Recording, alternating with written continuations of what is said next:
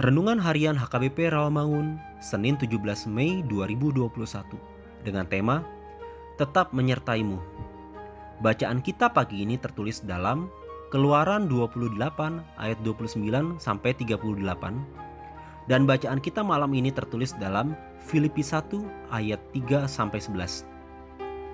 Dan ayat yang menjadi renungan kita hari ini tertulis dalam Yohanes 16 ayat 7 yang berbunyi namun benar yang kukatakan ini kepadamu adalah lebih berguna bagi kamu jika aku pergi. Sebab jikalau aku tidak pergi, penghibur itu tidak akan datang kepadamu. Tetapi jika aku pergi, aku akan mengutus dia kepadamu. Demikian firman Tuhan. Setiap orang yang mengikuti Yesus akan menghadapi perlawanan dari dunia. Ini merupakan konsekuensi yang harus dihadapi oleh orang yang berpaut kepada Kristus. Roh Kudus akan datang dan dicurahkan atas para murid. Yesus tahu apa yang akan dihadapi para murid di kemudian hari. Roh Kudus akan melanjutkan pekerjaan yang telah dimulai Yesus. Tiga tugas penting yang akan dilakukan oleh Roh Kudus ialah meyakinkan dunia akan dosa dan memanggil dunia untuk bertobat, menyatakan standar kebenaran Kristus kepada orang yang mau percaya, dan menyatakan penghakiman Kristus.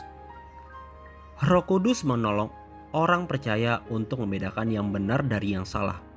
Roh Kudus juga menyatakan kepada para murid tentang segala perkara yang akan terjadi di masa mendatang.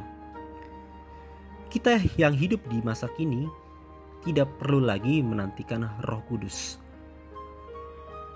Karena begitu kita membuka hati kepada Kristus, maka ia hadir dalam hidup kita.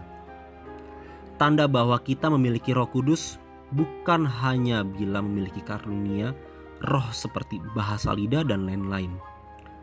Tanda yang penting dari keberadaan Roh Kudus dalam hidup kita adalah apabila kita menjadi pelaku firman-Nya dan penyaksi kebenaran.